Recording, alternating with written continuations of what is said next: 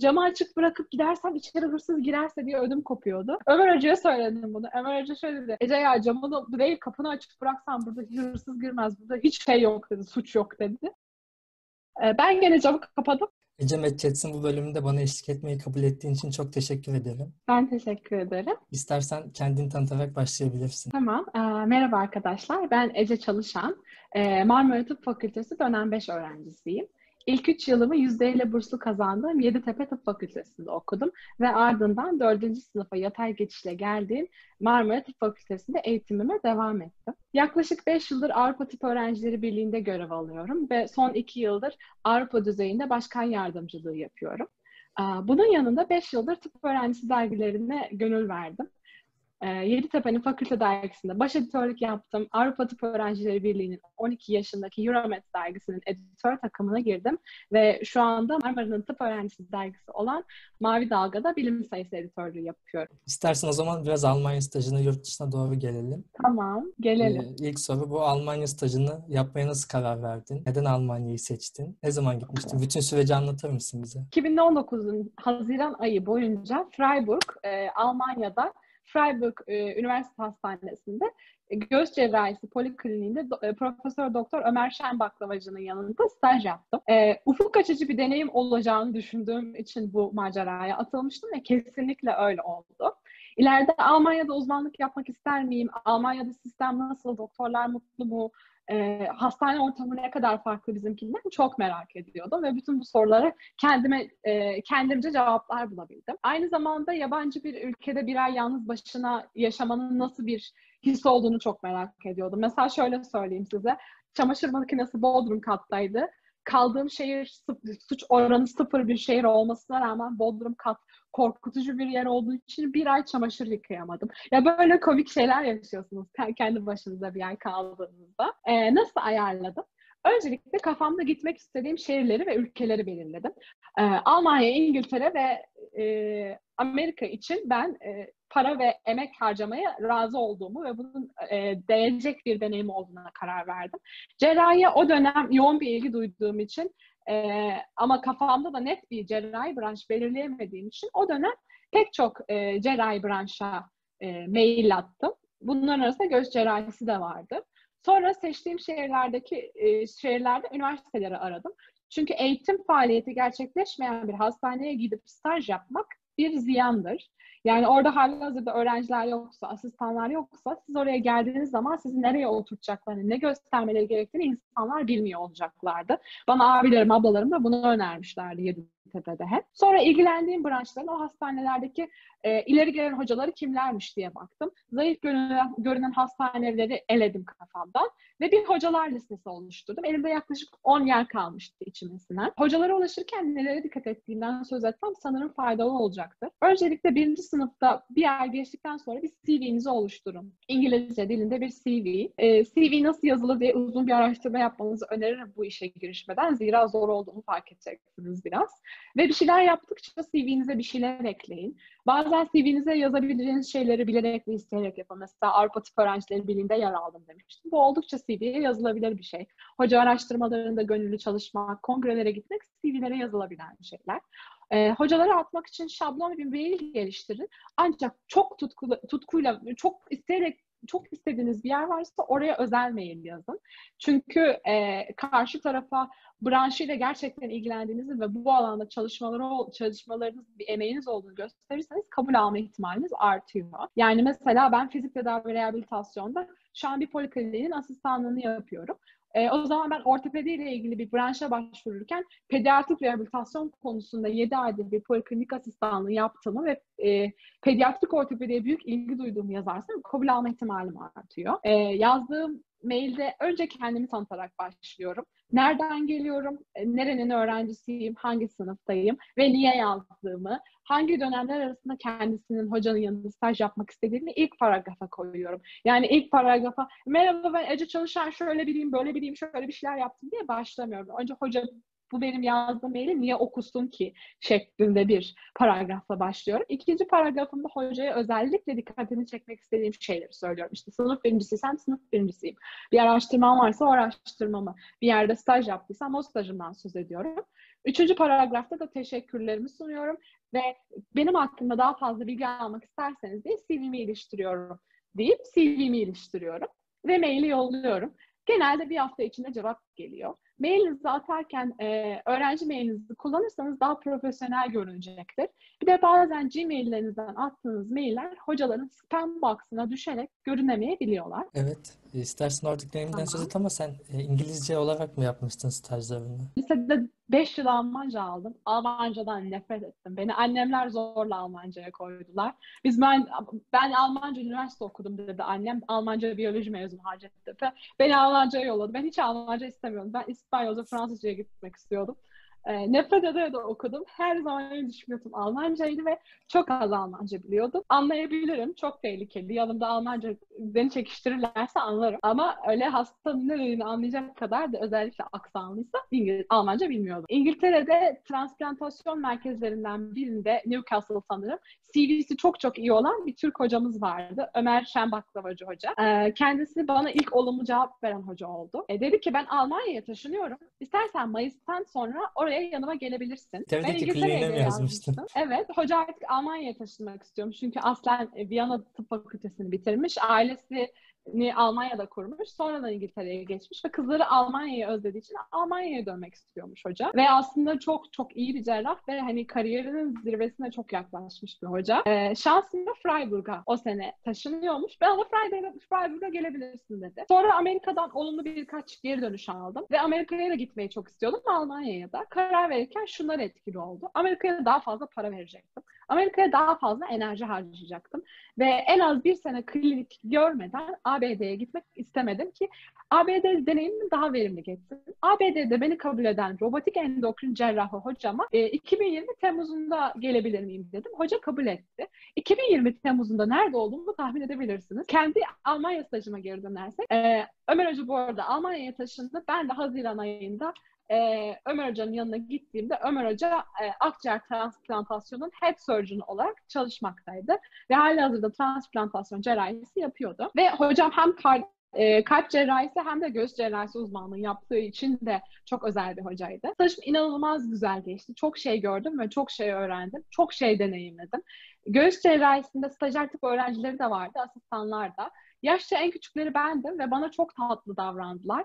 Bana e, hastaya ve hastaya yapılanları İngilizce çok sık açıkladılar. Hiçbir şey eksikliği duymadım, sıkılmadım. Çünkü çalışanların %90'ı İngilizce biliyordu ve konuşkandılar. Kültürler arası etkileşime de açık oluyor ve hoş bir deneyim oluyor. Freiburg oldukça düzenli, disiplinli ve e, titiz çalışan bir yerde. Hastanede herkes aynı beyaz scrub'ı giyiyor. Saçı toplu olmayan kadın doktor yoktu mesela. Ve bu kurala istisnai davranan kimse yoktu, hocalar dahil. Ee, yaşadığım bir tıbbi kültür şokunu anlatmak isterim. Ameliyathaneye giriş hijyeni konusunda beni çok şaşırttılar.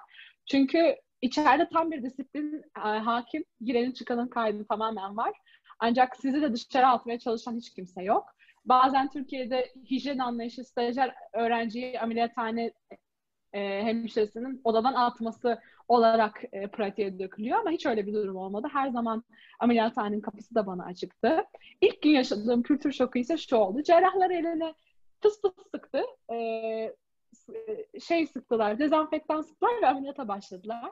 Şok geçirdi. E, her katta ultrason ve EKG cihazlarının olması ama bizim hastanelerde bunlar için bayağı aranmamız çok dikkatimi çekmişti. Kontratım gereğince hastalara asla dokunamadım e, dokunabilirdim ama e, asist ama yapmak istemedim. Çünkü hani bir şey olursa sorumluluk bende olacak ve legal bir yükümlülüğe asla girmek istemedim. Hani bir iğneyi yanlış soksam bile her ne kadar bana tehlikeli bir şey yaptırmasalar bile kuralıma uymak istedim.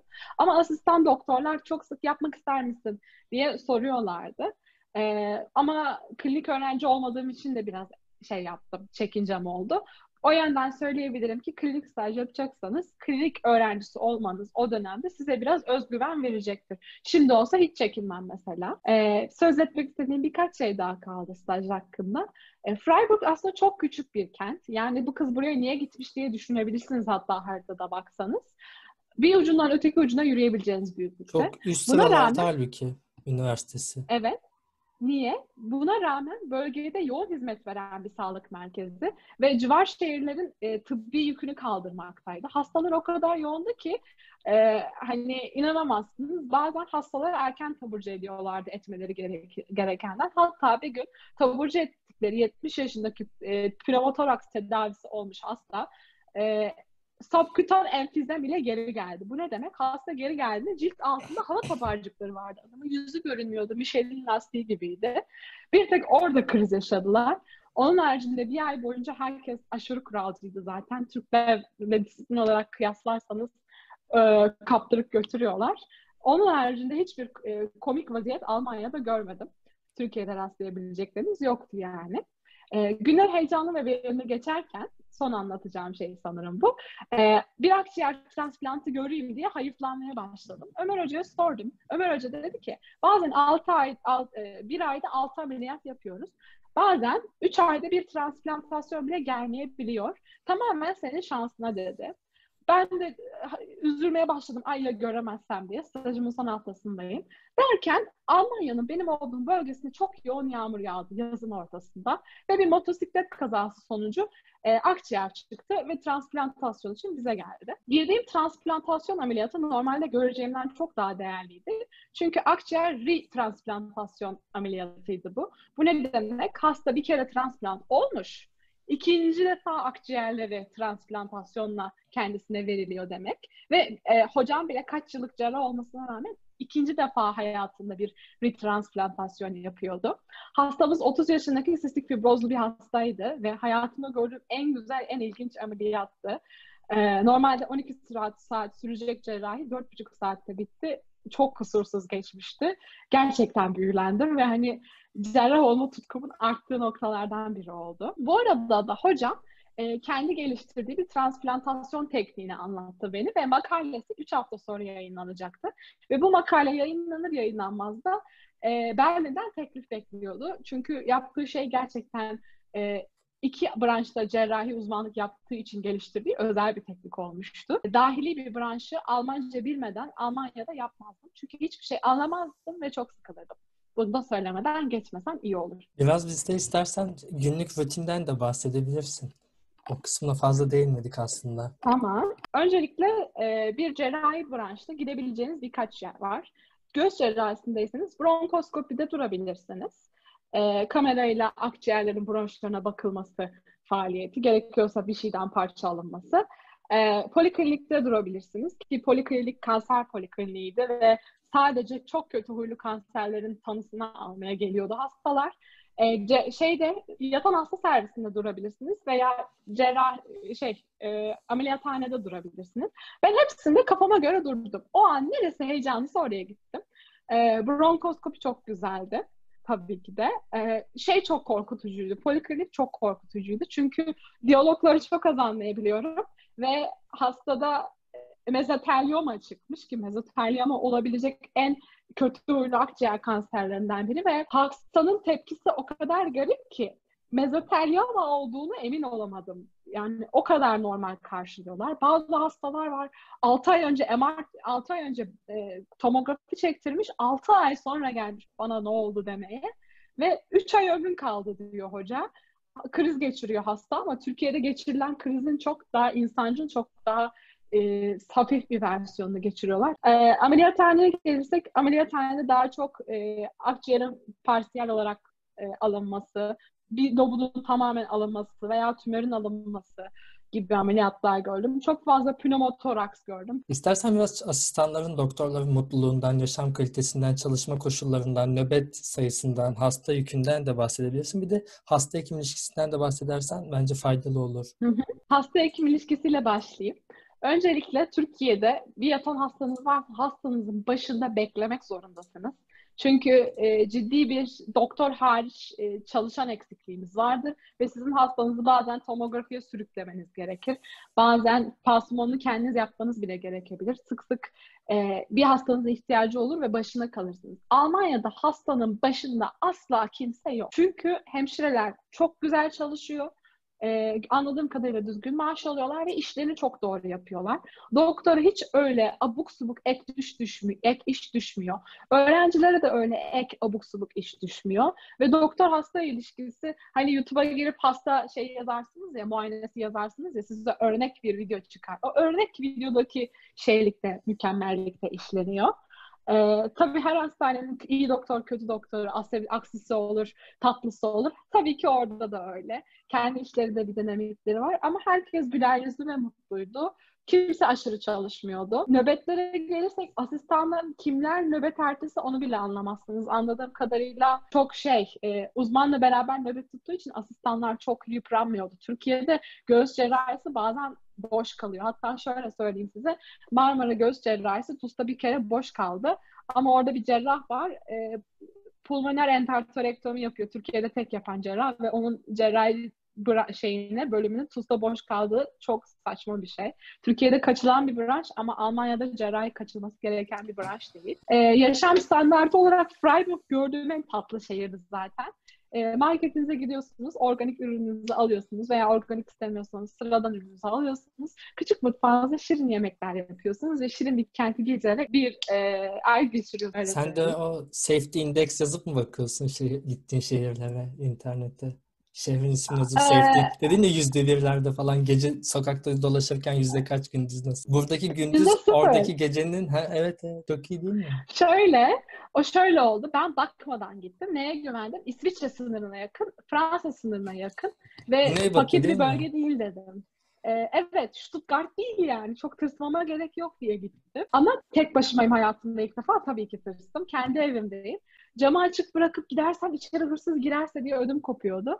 Ömer Hoca'ya söyledim bunu. Ömer Hoca şöyle dedi. Ece ya camı da değil kapını açık bıraksan burada hırsız girmez. Burada hiç şey yok dedi, suç yok dedi. Ee, ben gene camı kapadım ama şey yani o şekilde güvenliymiş. Tabii o da önemli. İlk defa kendini tek başına gidiyorsan. Mesela New York'a gidecektim bir ara. Ailem çok tedirgin oldu. Yaşamak bir de yaşamak farklı tabii. Kısa, daha kısa bir süreliğine gitmek farklı yine bilmiyorum. Aa, bir de şey şehirde yürüyen tek kişi bendim. Herkes bisikletliydi. Ya doğurmak üzere olanlar ya da çok yaşlı olanlar. Bir de Ece yürüyordu şehirde. O kadar da bisiklet dostuydu. Bir de genelde inanılmaz hızlı sürüyorlar. Bilmiyorum ben Hollanda'da yetişemiyordum yani. Ve sürekli öyle Biraz tepkilerin o da oluyordum yani. Çünkü gerçekten çok hızlı sürüyorlar bisikleti.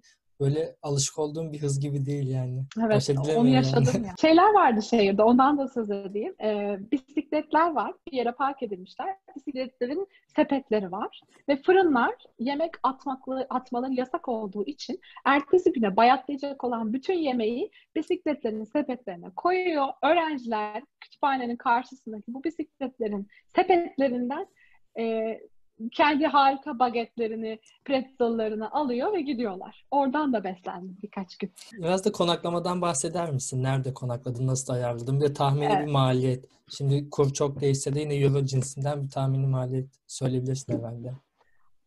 Ben galiba 3000, ya hiç hatırlamıyorum maliyet söylersem şu an yalan olur. Ama Airbnb'de kalmıştım. Hı hı. Ee, bir oda, tek oda, suite denebilir aynen. Yo bir artı birdi. Bir artı bir mi? Bir artı birde kaldım. Çok küçük, çok şirin bir bir artı birde kaldım. İçi full Ikea ile döşenmiş ve zaten öğrencilerin kaldığı bir yer. E, haritayı açtım, hastaneye baktım ve şeylere baktım. Airbnb'de kalabileceğim evlere baktım. Bu evi buldum. İçi çok güzeldi. Annemlere de çok güven verdi. Buradan hastaneye ne kadar sürede giderim diye baktım. 30 dakika çıktı. E çok az dedim. Çünkü ben hastaneye 50 dakikada gidebilen bir insanım. Yanlış saatte çıkarsam. Meğer ben hastaneye en uzak yeri seçmişim. Şehrin en uzak yeriyle hastane arasındaki mesafe 30 dakikaymış. Yani o da 8 durak tramvayla gidiliyor. Ev seçerken Airbnb'den şeye bakmak lazım. Evin lokasyonu, hastanenin lokasyonu sabah kaç saatte gidiliyor. Mahalleyi daha önce oraya gitmiş öğrencilere mümkünse sorup bu mahalle güvenli mi diye araştırmak gerekiyor bir de. Ben Freiburg'u ilk e, giden fetihçi olduğum için soramadım. Peki seneye nasıl yapacaksın? Şimdi bu sene gidemedin staja biliyorum. İçine oturdun biraz nasıl oldu? Benim içime oturdu şahsen kendi olan stajım. Sonra biraz alıştım tabii ne yapalım falan dedim seneye artık ama bilmiyorum. Nasip dedim yani sonra. Şöyle oldu. Normalde Marmara intern ile 5. E, sınıf arasında bir aylık bir süre olur. O sürede e, şeye gider miyim? Amerika'ya gider miyim? O süre olursa giderim. O süre olmazsa gidemem. Ve 2021'in sonuna kadar da biletini kullanmam lazım. 2022'de hem vizem bitiyor hem TUS çalışacağım. Beni bulamaz. O yüzden ben e, yılbaşı civarında daha doğrusu e, dersler bitsin. Bana klinik kalmasın. Saatlerini ayarlayacağım. Bir hafta gideceğim. Amerika'da gezeceğim, geri geleceğim. Çok güzel. Mantıklı sadece bence. Biraz hayata da bakmak Yani. lazım yani. Çok odaklanmak Evet. lazım. Peki bu, Nasılsa iade olmuyordu. bu deneyiminden sonra, stajından sonra Almanya'da uzmanlık düşünüyor musun? Yoksa e, hani bil- daha bildiğin dil olarak İngiltere vesaire mi düşünüyorsun? Hani Brexit'ten sonra biraz e, daha rahatladığını söylüyorlar genel olarak. Kariyer planından da bahseder misin? Bize TUS'a da hazırlanıyorsun tabii Hı hı. ki. Almanya istemiyorum. Çünkü bir, Almanca öğrenmem gerekir. İki, Almanya'yı ülke olarak sevmiyorum. Ee, Almanca öğrenecek ve oraya çalışmaya gidecek kadar sevmiyorum. Yani tabii ki gezmesi çok güzel bir ülke. Ama beş defa falan gittim ve pek çok şehirde bulundum. Bulunduğum şehirlerin yarısında o ya da bu şekilde ırkçı hikayelere ve senaryolara maruz kaldım. Arkadaşlarımın tutuklandığını gördüm. Hatta otobüse bindi arkadaşlarım bilet alıyorlardı. Ee, bilet alırken bilet memuru geldi. Siz biletsiz binmişsiniz diye tutukladı arkadaşlarımı. Uçak kaçırıyorlardı az daha. 10 kişi Bahçeşehir'den ağlayarak havaalanına geldiler. Ee, ki o bilet kesme memuru sonradan ceza kesme memuru diyelim. Sonradan mahkemeye çıkıyor. Ee, yani her yerinde ırkçılık var mı? Yok. Yani kim ama takip etti ki onu acaba? var. Nasıl oldu? Oradan Alman e, yerel arkadaşınız da mı vardı o sayede mi? Şöyleydi. Bir emsa kurultayındaydık. Heidelberg'deydik. Peşini 10, bırakmadınız. 10 kişi Bahçeşehir'den e, bilet alırken bilet memuru da yanlarına geliyor ve ceza kesmeye çalışıyor. Normalde oradan bilet alabilirler ve ceza kesme hakkı yok. Ve adam bayağı ırkçı bir şekilde bunları şey yapıyor. Bilet, ceza kesmeye çalışıyor. Bizimkiler de polis çağırıp polis gelsin diyor. Polis geliyor. Bunları tutukluyor. Karakola götürüyor. ifadesini alıyor ve Alman hükümeti e, bilet için ceza kesen kişiye soruşturma açıyor. Ve bu dava görülmesi için e, Türklerin oraya gelmesine gerek de yok. Ya mesela Freiburg'da köyün delisi var. Tramvay, son tramvay şeyinde bekliyor, durağında bekliyor. Köyün delisi Türkler Almanya'da olmamalı diye bağırır mı ya? Adamın adli dengesi yok. Sayıkladığı şey Türkler. Niye? Sayıklayabileceği çok şey var. Bir sürü olay yaşadım. Hani anlat anlat bitmez. İngiltere'ye gelirsek, İngiltere çok daha multikültürel bir yer. E, doktorların yarısı Hintli, kalan yarısı. Pakistanlı. Yüzde beşi İngiliz. Evet, yüzde beşi İngiliz. Bu yüzden kabul görmen çok daha kolay. Ya zaten kimse oralı değil. Ve e, İngilizce çok iyi biliyorum. Hiç sıkıntı değil bana. Ve İngiltere'nin Brexit sürecine girmesiyle sağlık sisteminde köklü değişiklikler başlattı. Artık e, yurt dışından gelen öğrenciler, e, öğrenci değil yurt dışından gelen doktorlar, mezun doktorlar, e, İngiltere'nin mezun ettiği doktorlarla aynı kontenjana girebilecek. Bu, bu, bu tarihe kadar böyle değildi. Önce İngilizler yerleşiyordu, arka kalanları yabancılar kemiriyordu. Artık hiç böyle bir durum yok ve biraz daha adaletli bir sistem. Adaletli Yani orada biraz sağ yükselir bence. ama. Çok adaletli değil. Oranın kendi yatırımını yaptığı doktor varken. Evet, şu an İngiltere yolu biraz daha açık. Bir de şöyle bir şey var. İngiltere'nin kendi doktoru ortalama bir yıl gap year alıyor. Mezun oluyor, çalışmıyor. Uzmanlık yaparken bırakıyor, iki yıl, iki yıl ortalıkta dolaşıyor, bu şekilde geri geliyor. Böyle olunca devamlılık e, sürdüren e, yurt dışından gelen hekimlere değer veriyorlar ve yurt dışından geldiysen sana diyorlar ki asla ara veremezsin yoksa sana vatandaşlık vermem. 5 yıl aralıksız çalışıp vatandaşlığını da alabiliyorsun. E, ve sistemleri çok daha düzenli, sınavları çok daha adil ve mantıklı. Zaten sınavları var baştan o bile bir şey. Çok daha yapılabilir gözüktüğü için İngiltere. Kariyer planıma gelirsek kafamda e, olan branşlar var. E, yoğunluklu olarak pediatrik branşlar e, ve kadın doğum var şu anda. E, eğer genel cerrahi yaparsam da e, bir şeyin pediatrik üst uzmanlığına yöneliyor olabilirim veya Yani bunu Türkiye'de yapma planın var mı genel cerrahi? Var, var. Ona geliyorum. Ne yaparsam yapayım önce bir TUS'a girip Türkiye'de kazanmak ve burada mutlu oluyor muyum onu görmem lazım. Çünkü özellikle COVID'in öğrenci deneyimini kısıtlamasıyla da ben e, çoğu branşı yeterince göremeyeceğim. Sonrasında mutlu olmazsam rotayı İngiltere'ye çeviririm. Ve şey kafasındayım, yaptığım uzmanlığın yurt dışı denkliklerini almak istiyorum. Ki ileride bir aile kurmaya yurt dışında karar verirsem e, göçebileyim oraya. Yani Türkiye'de kalsam bile her zaman yurt dışı opsiyonunun kapısını açık tutacağım kendimi. En iyi dostum şu an pleb çalışıyor ve iki ayda pleb verecek şu anda. TUS'u iki ayda on net yaparsın yani. Hani pleb'i iki ayda bitirmek mucizevi bir şey. Değil Bak yani. şey de patlıyor. Ben Almanya'ya gideceğim deyip Almanca kursuna yazılmayan Almanca kursuna yazılıp Almancayı ilerletmeyip 5. sınıfın sonuna gelin ben hala Almanya'ya gideceğim diyenler aha onlar gidemiyor. Almancayı öğrenen adam gidiyor. Almanya'ya gitmek de çok kolay ama dili öğrenmen lazım. Baştan bir dil mi öğrenmek istersin yoksa tıp mı çalışmak istersin diye sorsam e, tıp çalışmak isterim. O yüzden İngiltere.